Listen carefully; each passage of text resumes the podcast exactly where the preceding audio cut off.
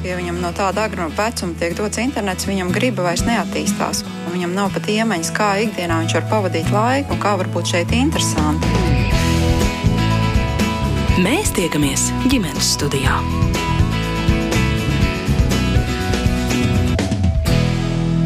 Labdien! Tuvojoties gadumijai, var izvērtēt ne tikai to, kas patiešām būtisks noticis aizvadāmajā gadā, arī padomāt par nākotni un lūkojoties uz priekšu ģimenes studijas redzeslokā arī demogrāfijas jautājumu.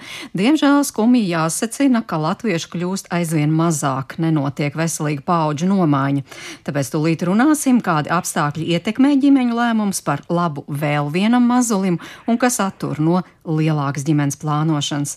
Man prieks, ka šeit studijā ir vecāku organizācijas mammām un tētiem LV vadītāja Inga Akmentiņa Smildziņa. Labdien! Pie mums arī tēvu grupu vadītājs Gatis Smidrovskis. Labdien! Un pa tālruni mūsu sarunā iesaistās Cēlus LV redaktora Linda Rozenbacha. Sveika! Labdien. Un arī žurnāla mans mazais galvenā redaktore Ērika Bērziņa. Labdien! Man sauc Mārcis Noteņu, un tiešām man patiesi prieks vienu no gada pēdējiem ģimenes studijas raidījumiem aizvadīt kopā ar kolēģiem, tātad ar, ar, ar tiem, kuri runā un raksta par ģimenēm svarīgiem jautājumiem, par pāru veiksmīgu kopā būšanu, bērnu audzināšanas likločiem, vecāku un bērnu izaicinājumiem saskaroties ar veselības aprūpas un izglītības sistēmu un citiem būtiskiem jautājumiem. Bet šīs dienas sarunas tematu ierosināja Anita Rozentāle. Viņas mazulim šobrīd ir četri mēneši, un Anita ir pārdomās, vai ģimenē pēc laika varētu ienākt vēl viens bērns. Klausāmies, kādas ir Anitas pārdomas par šo jautājumu. Man ir 31 gads, tūlīt jau 32. Biju stāvoklī visu šo pēdējo pandēmijas laiku, un tad augustā piedzima Hugo, kas ir mūsu pirmdzimtais. Un uh, mēs kopā jau esam desmit gadus ar otru pusi. Un, jā, es, kad biju jaunāka, es sapratu, ka tad es nebiju gatava, un tagad es esmu. Un tad es sāku aizdomāties, kad jau mazais bija piedzimis par to vispār, cik daudz bērnus mēs gribam, vai mēs gribam vairāk kā vienu.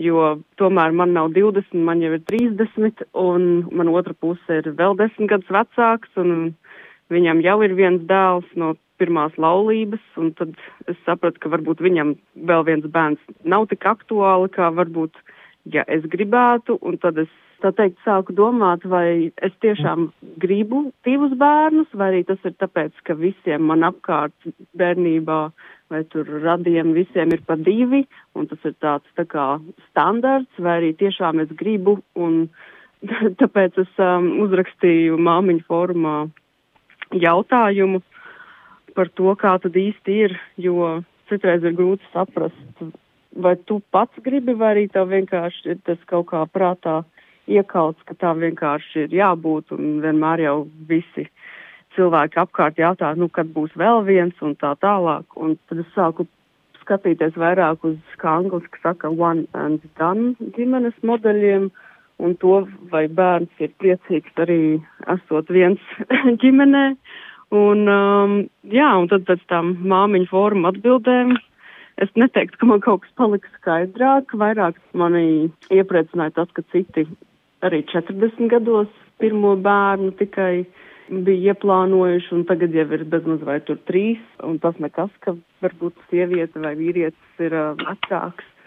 Jā, un tad man tā dilēma vienkārši palika vēl milzīgāka, un tad vēl aizvien man ir tas jautājums diezgan tādā neizrisinātā formātā, jo es vēl aizvien cenšos izprast, vai man vajag, tāpēc, ka tas ir egoistiski un ka vajag divus un ka viss ir pa divi un ka tas būtu nezinu, slikti, ka bērnam nav brāļi vai māsas, kad mēs paliksim veci. Un uh, vai arī tomēr skatoties uz pasaules apdzīvotību, vai tiešām vajag katram vairāk pa vienu bērnu. Nu, labi, saprotu, ka tā, protams, ir katra sava izvēle, bet skatoties, cik daudz bērnu pat Latvijā vēl ir bez vecākiem um, un kas varbūt gribētu tikt adoptēti un vai tas ir godīgi, ka es gribu savējos, nevis, uh, piemēram, es varētu tikpat labi adoptēt vienu. Un, uh, jā, tad ir tādi visādi ētiskie jautājumi. Vai um, vajag taisīt tik bērnus, cik tu vari viena pati atļauties uzaudzināt, ja nu kas notiek ar tēvu, vai otrādāk, cik tēvs var atļauties viens pats audzināt bērnus. Un, uh, jā, un tad īstenībā tas jautājums ir diezgan tāds plašs un dziļš un, jā, saprast, ka es nevēlos bērns taisīt tikai egoistisku mērķu vadīta, ka es gribu, lai man vecumdienās ir kas mani atpakaļ. Jā, kaut kā tā. jā, bet nu, katrā ziņā tas nav jautājums par finansēm. Bieži šie jautājumi tiek jā. sasaistīti kopā. Nē, nu, mūsu ģimenei tas nav tā kā finansiāls jautājums, jo man otra puse ir no Anglijas, un tur ļoti populāri ir, kad cilvēki veido lielas ģimenes ne tāpēc, ka vēlās pašu ģimeni lielu, bet tas, ka tur ir vienkārši milzīgi pabalsti, un tas nav priekš mums. Un man liekas, ka Latvija ir viena no labākajām valstīm pabalstu ziņā ar mātes atvaļinājumu pusotru gadu ar labu kā maksu. Bet kāds ir jūsu vīra viedoklis? Nu, tāpēc arī es tur rakstīju to jautājumu, tāpēc, ka sākumā, kad um, Hugo piedzima, um, vīrs teica, ka viņš ir laimīgs ar vienu, vairāk nevajag. Uh, ka tomēr viņš nav pirmā svaiguma vīrietis jau tā teikt, un viņš nevēlās skraidīt pakaļ zīdainim 50 gados, ja pēkšņi mēs pēc desmit gadiem izdomājam vēl vienu bērnu, ka tomēr vajag, un um, tāpēc es arī sāku apdomāt, vai es esmu gatava vienam bērnam un viss, jo tomēr viņam jau ir vēl viens, uh, vai arī tomēr nē, un uh, tādā ziņā viņš labprāt vēlētos vēl vienu, bet tikai tad, ja tas notiktu ātrāk nekā vēlāk. Nu, tā teikt, līdz viņa 45 gadiem un līdz maniem 35. Un vēlāk, lai nav no nulles atkal visas zīdaiņa lietas jādara, bet tā, ka varbūt tas gadu starpība nav tik liela un tos pirmos bērnības gadus, tad, kad ir, nezinu, pamperi un tādas vienotās lietas, tas viss tad paiet daudz maz reizē, nevis viss jāsāk no nulles. Nu, es saku paldies Anitai Rozentālē par stāstu. Kā viņa teica, atsaucīgo māmiņu fórumā rakstīja, atbildi neatrada par to vienu bērnu. Viens bērns, tas ir kaut kas īpašs. Es teiktu, skatos uz īņu. uh, nu, protams, ik viens bērns ir īpašs, uh, arī, arī šis viens. Un, un vispār paldies jā, par, par to stāstu, jo ja ģimenes. Uh, nu, tik atbildīgi apdomātu visas puses un sev godīgi pajautātu, kāpēc, viņas dara, tas būtu tikai apsveicami, jo mamma aktualizēja daudzus jautājumus, un es arī saprotu, kāpēc nav atbildes par to, vai viens ir eh, labi un pietiekami un vēl visādi citādi, jo katrai ģimenei ir sava atbilde. Un, uh, Un katrai ģimenei ar to saprotot, ka var būt arī ģimene, kurai nav neviena bērna, un arī tas ir ok, un nevienam citam nav darīšanas ap to. Un, un ir labi, ka sabiedrībā vispār aktualizē šo jautājumu, ka nu, tā arī ir ģimene, arī bez, bez bērniem, uh, un ir laba ģimene arī ar pieciem, arī ar vienu bērnu.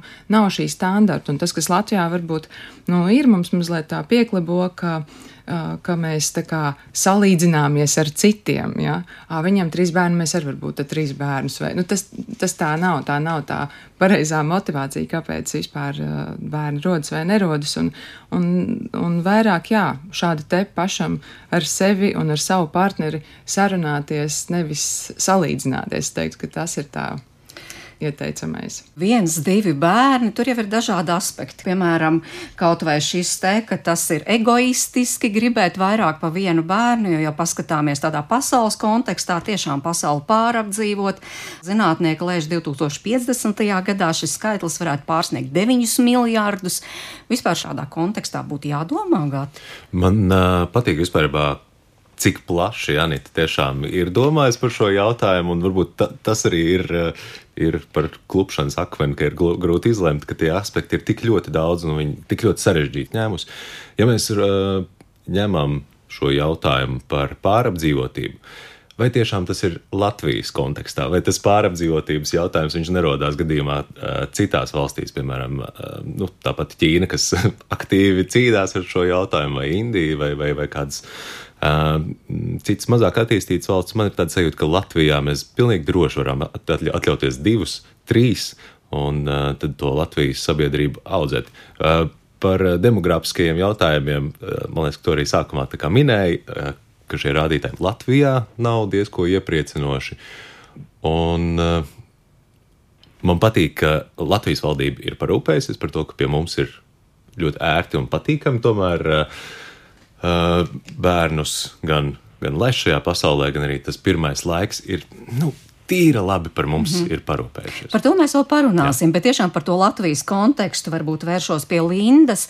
Nu, vēlamais, vēlamais ir divi bērni. Reāli tas ir stipri mazāk.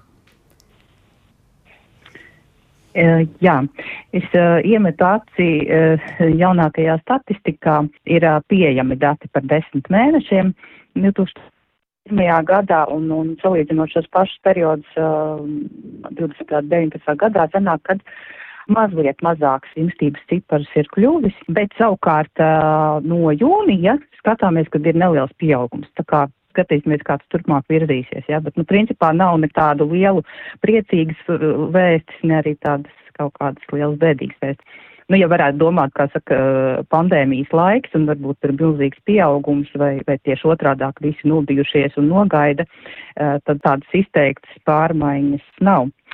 Bet par to, ko es dzirdēju no Anita stāsta un kolēģi teiktā, eh, ļoti daudz tika minēti racionāli argumenti eh, no sērijas glābt pasauli vai, nu, lat, latviešus, jā, lai viņi neizmirst, kas ir diezgan, es domāju, nereāls plāns, jā, vai arī egoistiski par materiāliem aspektiem, nu, par to bija mazāk šajā konkrētajā stāstā. Tas ir par to racionālo pusi, jā, bet es vēl pieminēšu arī, kad ir šī neracionālā puse, jā. Un uh, bija man interesanta intervija ar vienu antropoloģiju, Puzo nesen cālīja arī, un uh, viņi minēja, ka uz gadsimtiem, nu kādiem diviem, tas bija bērns. Bērns bija darba spēks, ja mēs uh, to, to brīdi uh, cilvēki radīja bērnus, lai būtu darba rokas mājās, ja. Uh, kas bērns ir mūsdienās? Mūsdienās jau tā ir prieks. Un uh, es esmu, uh, nu tā tīri subjektīvi, jo personisko viedokli prasa, tad uh, es esmu vairāk par šo rietumniecisko, laikam, uh, pieeju, kad, uh, un individuālo pieeju, kad cilvēks pats sajūt, kas viņam ir svarīgs un uh, kāpēc tieši viņam ir viena vai otra izvēle no lielajām dzīves izvēlēm viņa dzīvē svarīga. Uh, tā kā viens ir tas, uh, tas ir tieši mana izvēle, nevis ko tu citi apkārt dara. Un otrs, šī racionālā puse, ko mēs runājam, bet arī neracionālā. Jo, ja tā padomā, vai kāds tā labprātīgi, nu, nu ko nozīmē mm, radīt bērnu, tas nozīmē, ka nevarēs naktīs gulēt, zaudēs daļu brīvības un visādi šādi aspekti, nu, ja tā racionāli padomā, nu, priekš kam tādas grūtības dzīvē, ja, bet nezinu, kāpēc mēs tomēr šīs grūtības um, apzināti, kāds varbūt neapzināti uh, izvēlamies. Jā. Tā kā ir um, racionālā un neracionālā puse, un vēl hormonālā puse, ja, kad hormoni pārņem visu domāšanu tā, kad uh, vienkārši gribās uh, šo, šo mazu, jā. Protams, protams, pilnībā piekrītu, bet eh, nu, es atgriežos pie šī. Visu šo izsverot par un pret, ir tomēr tas, kādu ģimeni lēmumu pieņem un kādu gribētu pieņemt, bet kaut kādu apsvērumu dēļ nepieņem. Uh, Un es atceros, eh, SKDS veids tādu interesantu pētījumu, tas gan bija diezgan sen. Viņi aptaujāja iedzīvotājs reproduktīvā vecumā divos ciemos, Ancē un Jūrkalnē, un tas bija 2012. un 2016. gads. Un tieši bija šis jautājums, nu, jums ir tik un tik, bet cik jūs gribētu? Un tur nekas nemainījās. Gan 2012. gadā skanēja atbilde, ka gribētu 2,6, kas ir stipri vairāk nekā ir. Un arī pēc tam 2016. gadā gribētu 2,51, bet nu, ir, protams, stipri mazāk. Ērika, kā jums šķiet, kāpēc tas vēlamais nesaskan ar to, cik ir? Nu, tas ir tāds, protams, globāls jautājums, uz kurus nevarēšu atbildēt, bet Es domāju, vēl viens aspekts, ko rāda statistika, protams, man nav priekšā konkrēti statistikas dati, ir tas, ka kļūst arvien lielāks vecums, kurā kļūst mammas par mammām. Lielāks šis vecums, kad tiek piedzemdēts pirmais bērns. Un te arī noteikti jāņem vērā ir mūsu dzīves ritms un tas, kā mainās uh, dzīves prioritātes, ka nevis uh, no sākuma mēs radām bērnus un tad domājam, kā mēs nopelnīsim naudu, bet uh, ļoti daudzās ģimenēs ir uh, svarīgi, nu, iekārtoties dzīvē, lai ir viss, uh, visi vēlamie apstākļi, un tad, tad mēs esam gatavi radīt bērnus. Un, un tad iespējams ir līdzīgi, kā stāsta autorei Anitai, ka pirmais bērniņš piedzimst 30 gados vai 30 plus. Bet, nu, runājot par savu pieredzi, es arī esmu tas gadījums, man pirmais bērns piedzima 30 gadu vecumā. Un, un, manā gadījumā tas man neapstādināja radīt uh, vēl bērnus, jo trešais bērns man piedzima 40 gadu vecumā. Bet es varu piekrist kolēģiem un iepriekš teiktajam par to, ka tā patiešām ir nu, katras ģimenes individuāla izvēle. Gan cik bērni, gan cik gados uh, radīt pirmo bērnu, lai gan nu, nevar arī um, ignorēt to, ka šis sabiedrības spiediens bieži vien ir, ir tīpaši par otro bērnu, ka piedzimst tas pirmais un uh, nu, vairākumā gadījumu no tuvu radinieku puses visu laiku tiek uzdots jautājums, un kad būs vēl viens, un vai tad jums būs vēl viens. Un, un tad ir tāda interesanta nianse, un tad, kad, eh, piemēram, piedzimst trešais bērns, eh, tā, tā bija mūsu ģimenē, mums eh, daži atļāvās teikt, bet vai jums vajadzēja trešo? Vai tad jūs to varat atļauties? Līdzīgs stāsts esmu dzirdējis arī no ģimenēm, kur ir 4, 5 un 6 bērni kur gaidot nu, jau kādu piekto vai sesto atvasi, mammas nemaz tā īpaši nestāsta, jo viņām ir baila saskarties kaut kādiem pārmetumiem, nu, kāpēc mums ir tik daudz bērnu. Tā tāds aspekts arī ir, ka it kā visi priecājas, ka ir daudz bērnu, bet pienāk kaut kāds viens tas skaits, kad uz tevi jau sāk lūkoties kaut kā dīvaini. Sabiedrības spiediens kaut kādā ziņā. Ir tas kaut kāds zelta standarts, šie divi bērni. Kā saka, ja tev ir viens, tev visu laiku prasa, kāpēc tev nav vēl viens, bet ja tev ir trīs jau, uh, tad tev prasa, nu vai tad tik daudz vajadzēja, nu ceturtais tiešām taču mums nebūs. Es jau nu būtu pat traku. Jā, Inga. Es, es, es esmu par šo jautājumu domājusi, vai tas ir patiesībā sabiedrības spiediens, vai, vai mēs kā vecāki to kaut kā sāsnāt paši uztveram. Jo, nu, pavērojot, nu, cik mums latviešiem diezgan arī švaki mēdz veikties ar to saucamo small talk. Ja mēs satiekamies, mēs, nu, kāds laiks, nu, ā, bērni, nu, tu, īsti mums, mums iet grūti ar šo. Mēs esam ar ārzemju tādiem kolēģiem, draugiem runājuši par šo, ka, ka latvieši nu, galīgi nu, neprot to, to, to tādu vienkāršu tādu parunāšanu par neko uh, uzturēt, un tad bieži vien tas arī ir. Uh, arī par puisīti un meitenīti ir tieši tas pats. Es nedomāju, ka sirds dziļumos tas radinieks vai tas draugs domā, ah, atkal puisīts, nē, nu vajadzēja jau meitiņa. Es, ne, es nedomāju, ka kāds vispār padomā par to tādā līmenī. Tā ir vienkārši nu, tāda tukša parunāšana, un uh, tad ir jautājums pašai ģimenei, kāpēc viņa uztver to šā vai tā. Ja, mm. kad, ka, nu, kāpēc vispār tādu, um, nu, vai tad vēl vienu? Bet par tiem diviem bērniem tas, protams, ka nu, tas tā ir, ka, ja mēs pavērojam, piemēram, uh, reklāmas um, un tajās ir uh, divi vecāki un divi bērni, un, un grozies kā gribi, tas kā mums neapzināti ir iedevis tādu Tas ir tas standartiņš. Un kāpēc mums nav divi bērni, divi vecāki un trīs bērni, vai divi vecāki un četri bērni? Ja? Un, un, piemēram, mēs, kā mamām un tētiem, meklējot, piemēram, aģentūrās bildes, ar ko ilustrēt materiālus, nu, tu tur gribēdams gandrīz nevar atrast ģimeni, lai būtu vairāk to bērnu. Ir tieši šis vai nu viens vai divi bērni. Un, nu, tas tādas tā kā mazas nianses, bet tas veido to sabiedrības kopējo domu, kā vajadzētu būt, kā vēl kaut ko Jā, bet te ieskanējās arī gan Anits teiktajā, gan arī mm. tagad kolēģi vairāk par to vecumu. Protams, statistika ir tāda, tagad tas ir normāli. Pirmais jā. bērns 30 gados, vai tas tomēr ietekmē vai neietekmē? Tas ir, tas, protams, ir. Cik kupls pēc tam tas mm -hmm. pulciņš iznāk? Uh, jā, tieši Latvijas statistika ir šāda, ka pēdējo īpaši četru gadu laikā ir ievērojami pieaudzis tas māmas vecums, kurā piedzimst pirmais bērns, un tie ir vidēji 28 gadi. Uh, arī vīriešu vecums, kad viņi kļūst par tēti, tas arī ir pieaudzis, ja nemaldos, bija 24 līdz 35 tajā vecuma posmā. Un, protams, ka tas ietekmē, jo mūsu auglība mainās. Es pat nerunāju par vecumu, kas sievietei sākas menopauze. Nē, ar, ar mūsu dzīvesveids ietekmē ļoti strauji mūsu auglību, arī vīriešu auglību. Um, tas, tas ir ierobežots limits. Mēs nevaram o, mums būs četri bērni, pirmais dzimis 32 gados, un mēs vienalga paspēsim, jo kaimiņiene paspēja. Nē, tas ir ļoti niansēti. Gan visas mūsu slimības, gan dzīvesveids, gan cik mēs kustamies veselīgi ēdam, vai smēķējam, vai alkoholu lietam. Un tas viss ir tāds komplekss, ka varbūt piedzima pirmie divi bērni pieteicās raiti un, un lieliski, un trešo nevar sagaidīt.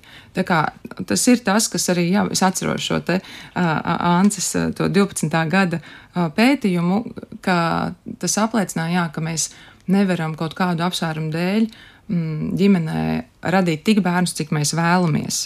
Un tad ir tie daudzie apstākļi, un viens no tiem, un jā, es esmu runājusi ar, ar nu, pat es teiktu, vairākām vai daudzām mamām, kuras ir teikuši, jā, mans pirmais bērns piedzima man 40 gados, un ja es būtu zinājusi, cik tā ir liela laime un prieks, es noteikti nebūtu šo lēmumu atlikusi, un nu pat arī ar diviem tētiem par šo runāju, viņa teica, Nu jā, man ir 35 gadi un pirmais bērns. Kur mēs vispār kavējāmies? Mēs tik ilgi esam kopā ar, ar nu, savu sievu. Linda. Un pēc tam jautāšu arī par šo pašu gatim. Linda, ir kāda piebilde par šo vecumu? Jūs arī dūlēsat? Uh, Par vecumu es atkal skaitļos interesantas sakarības ieraudzīju ar 1965. gadu, e, kur izrādās um, vecumā no 40 līdz 44 gadiem ļoti līdzīgas sakarības šajā vecumā un jaunām, pavisam jaunām līdz 20 gadiem uh, meitenēm. Uh, līdzīgi daudzuma bērni ir uh, dzimuši. Kaut gan, nu, ja mēs paskatāmies, toreiz nebija medicīniskās apauglošanas. Nu, cita lieta, ka tur ļoti daudz dzimā 20 līdz 24 gados, kas šobrīd galīgi nav raksturīgi. Bet, ko es noteikti gribēju pieminēt šajā tēmā šīs situācijas, ka gribas izvairīties no, no radiem un tuviniekiem, tāpēc, ka šis jautājums, kāpēc jums vispār vēl nav bērni, kāpēc nav otrais bērns, kāpēc, kāpēc vienmēr kādam kaut kas jūsu modelī nepatiks, jā. Ja? Un tas, ar ko es daudz esmu saskārusies gan kā dūla, gan arī žurnālistiskas rakstus veidojot, kad ļoti sāpīgi ir šie jautājumi, tad, kad ģimene cenšas tikt pie bērniņa, un tas ilgi nesanāk, um, vai, vai kādu laiku nesanāk, un, un kad vēl, kā saka, šajā sāpīgajā punktā iebaksta, kāpēc tev nav, jā. Ja? No, tā kā tagad tiekoties ar saviem tuviniekiem un satiekot uh, pārus, kuriem nav bērni, nu, padomāsim divreiz un varbūt trīsreiz pirms mēs kaut ko jautājam. Ja? Jā, un bet... par, par vecumu vēl es gribēju pieminēt, um, par šo valsts apmaksāto programmu, kas par medicīnisko apaugļošanu tam, tiem vecākiem, kuriem ir kaut kādas grūtības, viņi ir līdz 37 gadiem. Un uh, bija jauka saruna arī ar doktoru Arāju. Viņš saka, kas notiek šajā mistiskajā naktī no 37 uz 38 gadiem. Valsts vakar tev vēl teica, es tev palīdzēšu, atbalstīšu uh, šajā ceļā, kur medicīna varbūt tev var palīdzēt, jā, tikt pie bērniņa. Bet tik līdz tev ting, gan 38 gadi, viss, valsts vairs nepalīdz, jā. Tur, protams, garāka saruna, jā, bet tas par to valsts atbalstu. Jā, nu tā noteikti būtu. Tā noteikti garāka saruna, bet tagad skatos uz gati, bet, eh, nu labi, sievietēm varbūt tur tiešām tas bioloģiskais pulkstenis lielāku lomu spēlē, bet, nu, kā mēs dzirdējām, Anita teica, nu tur vīrs tā kā negrib vairs tad, kad viņam būs 45, tur sāk no nulles, skraidīt pakaļ bērnam, uh, likt tos pampers un, un, un visu darīt to, ko dara jaunie vecāki. Jā, tam es pilnīgi piekrītu. um, Ja es pareizi saprotu, arī no speciālistiem esmu dzirdējis, tad vīriešiem uz vecumu arī tā seksuālā dziņa bija šī tiņa samazinās. Un to vispatīkamo procesu eh, veidot arī eh, mazāk gribās. Bet eh, es, piemēram, jau bērnībā es sapratu, ka es negribu būt vecs tētis. Tieši tāpēc, lai, lai, lai es varētu, tad, kad bērni ir mazi, lai es varētu viņiem skraidīt līdzi. Un, nu, ja es būtu 60 vai, vai, vai, vai cik nu gadīgs ar, ar pirmajiem bērniem, nu, tad tas būtu diezgan apgrūtinoši. Ļoti iespējams. Aicinu vīriešus rūpēties par savu fizisko formu, lai viņi arī 60 gados varētu lēkāt līdzi saviem bērniem. Bet, nu, klasiski mums jau vēl joprojām ir Tomēr vīriešiem tas lielākais satraukums ir finanses. It īpaši, jā, ja mēs runājam jau par trīs, un četriem, un pieciem, arī septiņiem un deviņiem bērniem, tas, tad, tad, tad tās finanses ir uh, vīriešiem vislielākais satraukums. Bija mums arī statistika, ka um, neatkarīgi no finansiālā stāvokļa, um, 60 vai 70% vīriešu finanses, finanses ir pirmajā vietā, kā viņu satraukums. Ne veselība, ne teiksim, viņu vecums, vai, vai amats, vai hobija, vai kas. Ne tieši finanses viņus satrauc visvairāk. Un, nu, ja tā padomā, nu, tad ar tiem bērniem nu, ir tā, kā ir pašā sākumā, varbūt viņiem tik daudz nevajag, bet tad, kad viņi pieaug, tur jau sākas pulciņi, tagad dāvanas vajag pieņemsim nevis diviem, bet jau no četriem. Un katram no tiem bērniem ir arī draugi, kur ir jāiet uz dzimšanas dienām, kuriem arī ir dāvanas, tad ir jāpērk lielāka mašīna, braukt atvaļinājumos, sanāk jau daudz dārgāk. Tā kā tā finansiālā puse jā, tā, tāds lielākais vien no, no satraukumiem. Bet, eh, kā jau arī izskanēja, ka nu, tas lēmums, viņš varbūt būtu jāpieņem nedaudz egoistiskāk. Un jāsaprot, kāpēc mēs gribam tos bērnus. Un kāpēc mēs gribam vairākus? Kāpēc mēs gribam uh, vienu? Vai arī vispār, kā Inga minēja, arī bez bērniem ir īstenībā forši. Ja mēs uh, priekš sevis pieņemam to, ka nu, īstenībā laikam es tomēr negribu. Ļoti labi.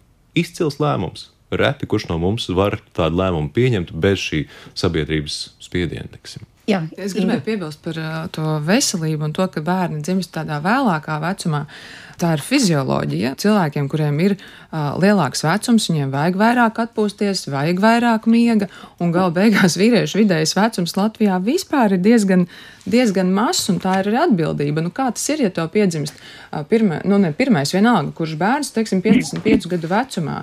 Tā ir atbildība par šo bērnu. Tev ir jārūpējas par viņu. Tu nevari atļauties tagad nomirt. Vai Vidēji pēc desmit gadiem ne... nomirs. Tieši tā, tu, to, ta, tas ir atbildības jautājums. Nu, ja mēs runājam par to, to pirmās māmas stāstu, ka to var nu, padomāt. Bet, protams, ja tas bērns, nu, ne jau tu vienmēr vari ieplānot, ja viņš ir, tad viņš ir, un tu, tu mīli un rūpējies. Bet, bet, uh, bet tas ir aspekts. Tā, tā veselība ir aspekts, kuras dēļ uh, nu, var cilvēkam novecot, un viņš var padomāt, un man tagad būs jāceļās, un būs jāceļās, un tas nebūs viegli. Starp citu, Jānis Bērziņš, viņš ir piecu bērnu tētis, un uh, viņa uzskats ir, ka nu, nevar to bērnu nākšanu pasaulē tā racionāli izsvērt un ieplānot. Lūk, viņa viedoklis. Sākumā, kad mēs ar sievu satikāmies, diezgan ātri pateica, ka mums būs četri bērni. es brīnos, kā viņi nenobijās. Nu, sākumā es to biju domājis gandrīz tā kā joku vairāk nu, par tiem četriem bērniem, bet um, tā, ka, ka mums ir, jā, pieci bērni. Plānots tieši tāds skaits nevarētu teikt, ka biju, bet visi bērni bija gaidīti. Varbūt bija pārsteigums par pirmo bērnu. Nedaudz, jā, mēs negaidījām, ka būs tik ātri. Nu, ja mēs būtu ticīgi cilvēki, mēs varētu teikt, ka um, tik cik Dievs dos, tik mums būs. Bet uh, drīzāk vienkārši nē, nu mēs tā piedzimta nākamais bērniņš, tad mēs domājam, varētu vēl brālīti. Un tad mēs pēc trešā bērniņa sākām domāt, ka varētu būt māsiņa brālīšiem, bet tā māsiņa arī neatnāca, tāpēc mums ir pieci dēli tā racionālā pieeja par to, ka, piemēram, pa priekšu kārķeru un tad sameklēt mājokli un tad bērniņus, tas, tas īstenībā ļoti, ļoti gudri un ļoti pareizi, bet laikam ne īsti priekš mums, jo mums bija tā pārliecība vienkārši, ka, nu, ka viss būs labi, ka vairāk bērniņi nenozīmē ļoti daudz vairāk grūtību un īstenībā viss, kas manā dzīvē ir bijis labais, kaut kāda izaugsme, gan personīgā, gan arī uh, finansiālā ir bijusi īstenībā lielā mērā pateicoties tiem bērniem. Un tāpēc varbūt arī man tā ideja ir, ka reizēm uh, vajag ļauties varbūt tam nezināmajam, kas ir arī attiecībā uz bērniem plānot, tas ir forši. Un, un es saprotu, ka cilvēki rēķina, ka vai varēs atļauties vēl vienu bērnu, bet īstenībā bērnus jau nekad teorētiski nevar atļauties, jo tie vienmēr būs papildus izdevumi, bet tie papildus izdevumi dzen arī tevi uz priekšu tev līdz ar to ir jāpelna vairāk un jādara labāk un jābūt labākam. Man personīgi un, un sievai tas noteikti ir bijis arī tā kā papildus izaugsme tieši tas, ka mums ir piedāvātie bērni. Līdz ar to es arī gribētu cits varbūt tā iedrošināt, ka varbūt tā plānošana ir ļoti laba un pareiza, bet varbūt ne visiem vajag tik ļoti reiķināt skaitļus un ciparus, bet, bet uh, darīt tā, kā uzskatu par pareizi. Ir jau tā, ka ir mazāk laika, varbūt kaut kādā ziņā, un bērni vienmēr ir kaut kāda papildus izdevumi, bet tas nav bijis tāds kā beigās grūtības vai kaut kas tāds nepārvarams. Mums vienkārši kaut kā labi ir arī sanācis tos bērniņus audzēt, mums tas sanāk. nu, kaut kā nav tādu lielu grūtību ar viņiem, un, un tā, protams, reizēm trūkst laiks, bet, bet citādi, citādi ir, ir labi. Nu, es tā vienmēr uz to valsts atbalstu esmu skatījies tā, ka tas ir tāds papildus bonus, bet es nekad neesmu skatījies uz valsti, kad valstī vajadzētu parūpēties finansiāli man nodrošināt tik, lai man būtu izdevīgi bērnus radīt. Un bērnus tad nekad nebūs izdevīgi radīt, jo tie izdevumi nekad nevarēs būt tāds pabalsts, kurš seks visas vajadzības. Jā, kopumā es īstenībā uzskatu, ka valsts atbalsts šobrīd ir, uh, ir pietiekami solīts. Protams, vienmēr varētu gribēt vairāk, bet gan 3 plus uh, tā atbalsta programma, gan, piemēram, uh, nu, tagad arī pabalsts tiks pacelti.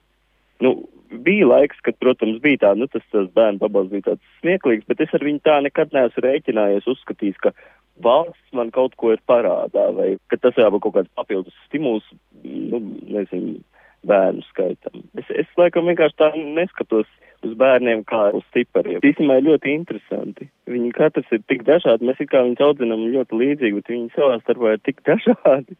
Nu, labi, reizēm ir tā, ka, protams, tās ikdienas kaut kāds tas uh, grūtības nomāc, varbūt to prieku nedaudz, ja, bet kopumā ir tā, ka reizēm uh, vienkārši ir uh, tā kā interesanti skatīties, kā tās savstarpējās attiecības viņiem veidojas. Tik daudz to arī var izdarīt un iemācīt viņiem. Uh, nu, būtībā jā, tāds prieks iedvesmu dzīvē īstenībā tie bērni arī ir. Tā piecu bērnu tētis Jānis Bērziņš un atgādinu, ka šodien ģimenes studijā arī vecāku organizācijas mammām un tētiem LV vadītāja Inga Akmetiņa Smildziņa, tēvu grupas vadītājs Gatis Smidrovskis, Cēls LV redaktora Linda Rozenbacha un žurnāla mans mazais galvenā redaktora Ērika Bērziņa. Ērika, ko jūs sakāt par šo tādu brīvību ļauties bērniem? Un kā Jānis teica, nu tad visas lietas sakārtojas tur, gan naudas lietas, gan izrādās arī karjeras lietas. Nē, nu es īstenībā viņu ģimeni atbrīnoju, ka viņiem ar pieciem bērniem nav nekādas grūtību, uh, jo runājot no personiskās pieredzes, uh, nu, es jūtu ļoti lielu atšķirību starp uh, diviem un trim bērniem. Un es domājot arī tā plašāk, uh, nu, nedomājot par šo finansiālām, finansiālām lietām un varbūt vēl kaut kādām citām lietām, bet uh, man personīgi, es arī tagad ar trīs bērniem esot kopā aizdomājos par to, cik es daudz viņiem varu dot uh, emocionāli un individuāli. Jo ir kaut kādi brīži, nu, ka bērniem vajag tikai mammu un visiem trim uzreiz.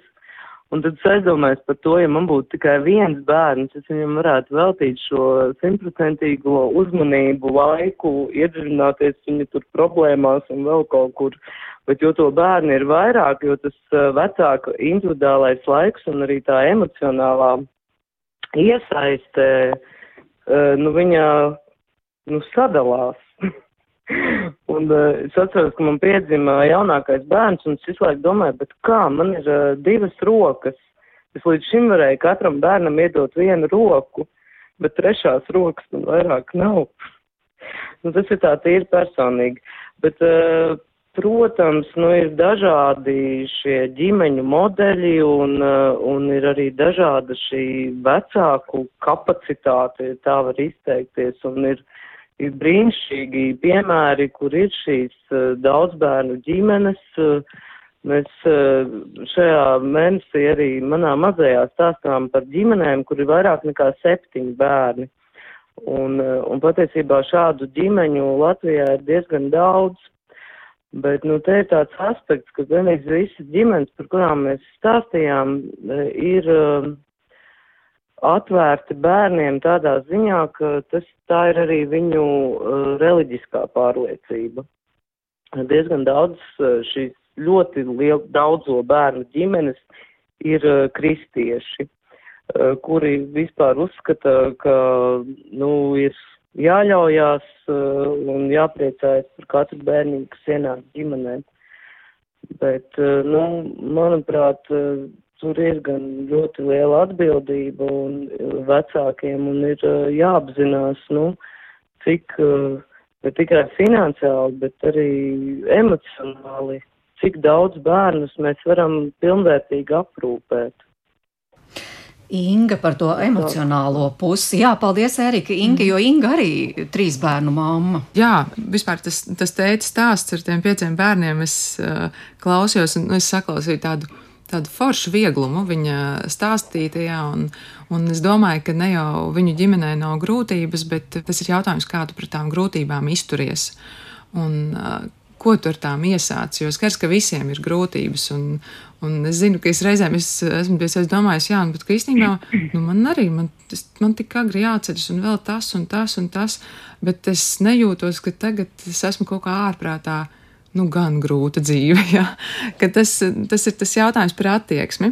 Mhm. Bet, piemēram, ja pie mums atnāk šeit uz ģimenes studiju demogrāfs Ilmārs Mešs, tad vienīgais, ko viņš runā, ir par naudu. Kad jo vairāk naudu valsts dos, jo vairāk bērnu Latvijā dzims, un mm -hmm. tas mums ir vajadzīgs, un tāda ir Jā. mūsu politika. Um, Nu, jā, es saprotu demogrāfu filmā ar mežu, jo, jo ta, tas patiešām ir tā, ka, un tas te iepriekš tika minēts, ka uh, tas nav reāli, ka latvieši izmirst, bet uh, nu, tā, tā tas notiek, jā, un tas ir izrēķināms, un, un tas ir fakts, bet uh, varbūt tas nav tas, kas uh, motivēs ģimenes, nu, tas, tas arguments, kad uh, radīsim bērnus latvietis, varbūt nav tas arguments, kāpēc to dara, un patiesi, jā, es, nu, tā, daloties savā pieredzē, tas emocionālais ir tas, kas uh, nu, arī man, es, man personīgi ir.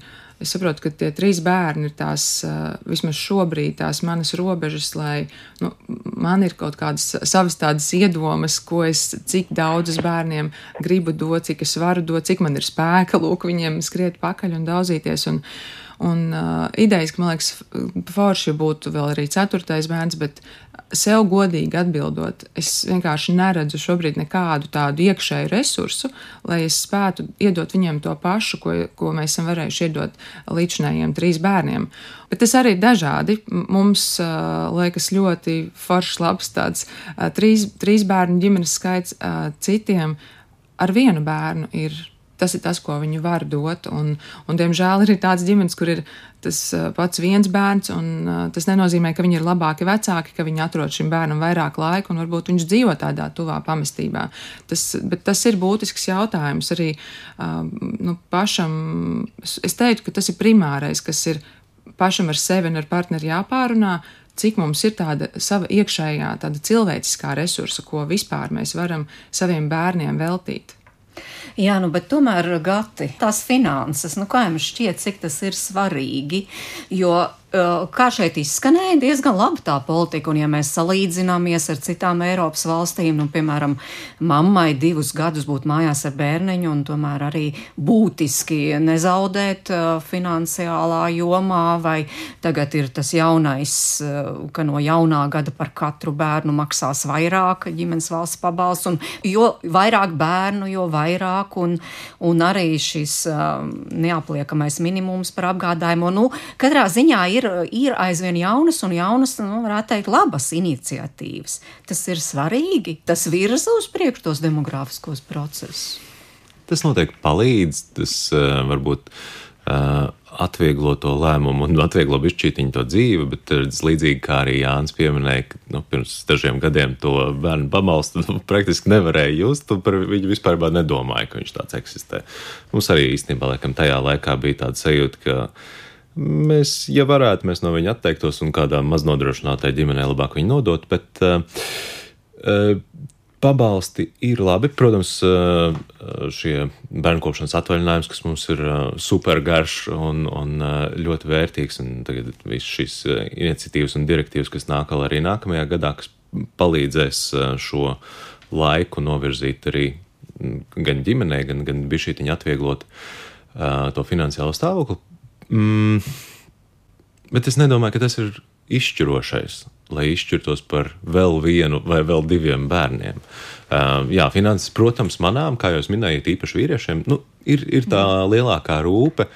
Uh, jo vēl joprojām no mūsu sabiedrībā no tas vīrietis ir tas uh, mamuta nesējs un pamazām, pamazām arī, arī, um, arī miera nesējs un, un, un, un ģimenes arī tāds emocionālais apgādātājs, bet um, Bet jā, es, es nezinu, vai finanses būs tieši tas, kas mums to demogrāfiju palielinās. Jā, bet no otras puses, nu, tas mm. gan ir taisnība. Katrs nākamais bērns tomēr rada aizvien lielāku robu ģimenes budžetā. Citās valstīs tā nenotiek tik izteikti, Latvijā tā ir. Tas, kas uh, ir, es, nu, man jāatgādina, ka Latvijā ir šobrīd tik daudz trīs plus ģimeņu, tātad daudz bērnu ģimeņu, cik nav bijis iepriekš nekad. Un tas noteikti ir saistāms ar, arī ar to, ka tā bērni ir kā vērtība, ka arī ir šī drošība, jo tas tāds pabalsts vai šāds pabalsts, tas kopumā, es teiktu, dod tādu, tā kā, tādu drošības sajūtu, ka valstī rūp, ka mēs te esam un ka tas tiek darīts. Bet tie bērni aug un tie pabalsti samazinās, un tas nenozīmē, ka samazinās dažādās, nu, ne tikai vēlmes, bet arī vajadzības. Un uh, man jāsaka, es patiesībā ļoti priecājos, ka vīrieši atzīmē šīs finanses kā ļoti svarīgu apstākļu, jo ko vispār nozīmē tās finanses? Mums ir Covid iedevis vienu ļoti labu lietu, ka ir vajadzīgs uzkrājums. Ka, nu, ja tevi nav skārušas nelaimes, negadījumi, kaut kādas negaidītas veselības problēmas, ja tu esi kā, līdz šim bijis tā kā tādā dieva ausī dzīvojis un ar to neesi saskāries, tad var šķist, ka mums jau viss tā labi, mums jau neko nevajag, nevajag uzkrājumu, nu, neko nevajag. Bet, bet patiesībā tas ir ļoti būtiski veidot šo savu um, nu, tādu nu, jā, uzkrājumu. Un, uh, un, un domāt par to. Un ir ļoti labi, ka ir ģimenē vismaz viens cilvēks, kas par to domā, kas domā par šo, lai mums būtu patiešām nodrošinājums. Jo tad, kad notiek tā nelaime, nu, nav tāda pabalsta, kas tagad izglābs, kas tev uzcels māju, kas tev apmaksās ārkārtīgi sarežģītas operācijas, rehabilitācijas un vēl kaut ko.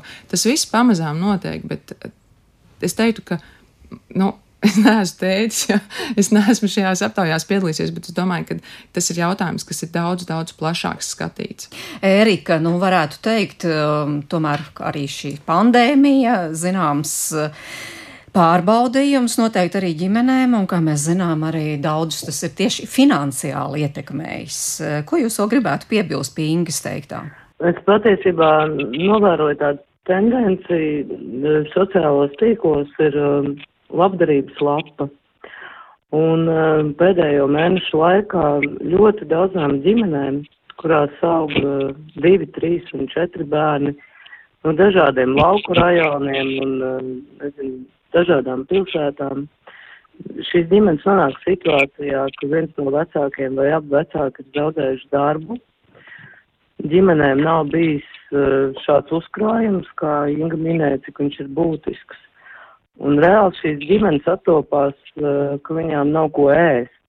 Un sociālos tīklos tiek liktas bildes ar tukšiem leduskapiem un, un mammu stāsti, ka līdz pirmajai algai ir divas nedēļas, bet bērniem nav ko ēst. Un šī ir tā kā tā monētas otra puse. Uh, ka, nu jā, tev ir visu laiku ļoti jāplāno, jādomā ļoti uz priekšu, jo viens ir varbūt tas periods, kad bērni ir mazāki un ka ir uh, arī, piemēram, šī brīnišķīgā iespēja, ka bērni var uh, paēst siltas pusdienas bērnu dārzos vai skolās, ja, un, nu, liekas, ka, nu, nav varbūt to izdevumu nemaz tik daudz. Vakarā uzvāra nezinu, zupas katlu un visi pēduši. Bet, nu, tā ir, jo tie bērni nav lielāki, jo ir šīs vajadzības vairāk, un, uh, un kad es arī aizdomājos, ka viņi visi būs jāplaiž paši savās dzīvēs, bet sākumā viņiem tāpat būs jāpalīdz, vai tās būs studijas vai vēl kaut kādas lietas. Tā kā, nu, tas ir patiešām tāds uh, ļoti plašs jautājums. Tur ir dažādi šie stāsti ir ļoti veiksmīgi stāsti, bet ir arī grūtie stāsti. Šis patiešām ir plašs jautājums. Mēs te noteikti vēl varētu divas stundas sēdēt un, un šķetināt, bet uh, es gribu pielikt punktu ar to, cik svarīga ir sabiedrības attieksme. Nu, vispār tas kopējais noskaņojums vai bērns mūsu sabiedrībā ir vai nav vērtība. Linda man pašai ir četri bērni. Gudīgi sakot, es uh, neesmu izjutusi tādu pret sevi kaut kādu negāciju, ka man ir daudz bērnu. Īsnībā daudz pozitīvas uh, emocijas esmu saņēmusi no cilvēkiem. Nu, cik lieta, ka latvieši varbūt ir mazliet tādi introvertāki, jo pirms Covid es atceros, uh, es aizbraucu ar savu zīdaini uz Kipru, un tur uz zīmes varēja pienākt sveši jauna sieviete un sabučot manam bērnam pēdiņas. Nu, tagad pēc Covid varbūt es tur tā vairs par to nepriecātos, bet uh, bija ļoti arī mm, ekspresīvas šīs jūtas. Un, un latviešos varbūt tas prieks par bērniem, man liekas, ka viņš ir, bet viņš varbūt mazliet klusāks un, un netik uh, ekspresīvs. Ērika? Es īstenībā pēdējā laikā personīgi esmu saskārusies ar um, tādiem pozitīviem viedokļiem no svešiem cilvēkiem. Es sāku ar kādu kundzīti runāties un pasaku, jā, bet man mājās ir vēl divi bērni. Un, uh, un viņi patiesā priekā man pasaka, vai cik jauki, jūs gan esat mamma malacis. Un, uh, un tie varbūt tādi ikdienišķi sīkumi, ka tu sajūti, jā, ka pa lielam tā attieksme ir pozitīva, bet nevienmēr uh, mēs to izpaužam un nevienmēr uh, mēs par to runājam atklāti, jā, bet, nu, es domāju, ka, nu, sabiedrība novērtē to, ka bērns ir vērtība. Un nu, vienkārši vajag vairāk, vairāk to uzsvērt un par to runāt uh, atklāti un publiski. Gati. Tā, tāds ir mans viedoklis. Jā, es, es pilnīgi noteikti jūtu, ka mūsu sabiedrībā bērns ir vērtība, un to arī nu, kaut kādā zināmā mērā parāda šī mūsu pabalsta sistēma. Un, un, un kad no, no valdības puses jau nāk, nāk šī ideja, ka bērns ir vērtība, tik, tik daudz cilvēkiem apkārt ir bērni, un viņi pie viena neapstājās, un, un grib vēl, un viss ir forši. Nu, es no savas pieredzes varu pateikt, ka ir, ir ārkārtīgi forši. Ja tas otrs ir mierīgs, tad um, otrā meitiņa, viņai ir uh, četri mēneši. Viņa nav tik mierīga, bet tik un tā es to ideju par trešo bērnu neatmetu. Tā kā es domāju, ka jā, līdz, līdzīgi kā Linda teica, ka Mēs vienkārši esam bišķītiņi klusāki un par to tik daudz uh, neizsakamies un, un, un uh, neesam tik ekspresīvi kā dienvidos, bet tik un tā. Uh, apkārt redzot bērnus, mēs šo mīlumu kaut kā iekšēji izturojam, ja ne, ne verbāli. Jā, Inga, varbūt to mēs varam visiem novēlēt arī jaunajā gadā. Nu, noteikti, bet es gribēju tādu, tādu da, dārzu pilīti iemest, ka, nu, un teikt, ka mums noteikti ir jāturpina uh, tā, nu, veidot sabiedrības doma par to. Tas ir ļoti, ļoti būtiski, jo, diemžēl, nav visās vietās par bērniem tik labi neizturās. Nu, piemēram, sabiedriskajā transportā bērniem dažkārt ir ļoti grūti. Un, un es teiktu, ka tas ir atsevišķs tāds raidījuma jautājums par, par šo tematu. Protams, ka bērns ir nu, kaut kas tik brīnišķīgs, ko pat nevar izstāstīt tiem cilvēkiem, kuriem nav bērnu. Tu nevar iedot to citu pasauli, kas atveras, ja tev ir bērns. Tas ir kaut kas nu, tik ļoti īpašs un, un jā, no, novēlēt to. Skatīties uz bērnus kā kaut ko tādu tik brīnišķīgu un vienreizēju, un, un šeit arī kaut kādā mērā nu, Covid ir noteikti sabiedrībai arī izdarījis vēl vienu labu lietu. Tik daudz, cik ir runāts par to, kā bērni jūtas, kas viņus ietekmē, ka viņiem ir nepieciešams atbalsts, ka mums par viņiem ir jārūpējas. E, nu, varbūt nekad iepriekš mēs neesam Latvijā tik ļoti pievērsušies tādai nu, tieši bērnu jautājumiem. Jā, nu es domāju, ka tas notiks arī noteikti nākamajā gadā, un es uh, pilnīgi jums piekrītu, ir katras ģimenes individuālais lēmums, vai mums būs bērni, vai nebūs, un cik būs. Un tomēr es atgādinu, ka nu, demogrāfi saka vismaz divi. Paldies uh, mūsu studijas viesiem Ingai Akmentiņai Smildziņai, Gatim Smidrovskim, Lindai Rozenbahai un Ērikai Bērziņai. Paldies no ģimenes studijas, eh, no Ilzas Zvaigznes raidījuma producents, arī no manas Mairidas notiņas. Paldies, ka klausījāties. Un rīt ir gada pēdējā diena, un eh, tad skanēs ģimenes studijas gada apskats. Mēs atskatīsimies mūsu redzējumā, kādas ir bijušas gada aktualitātes, atgādināsim, cik neaizmirstams ir bijušas mūsu tikšanās ar daudzām, jo daudzām ģimenēm, un kādus raidījumā izskanējušus praktiskus padomus izmantojam paši savā dzīvē. Tiekamies un lai jums priecīga diena! Ģimenes studija.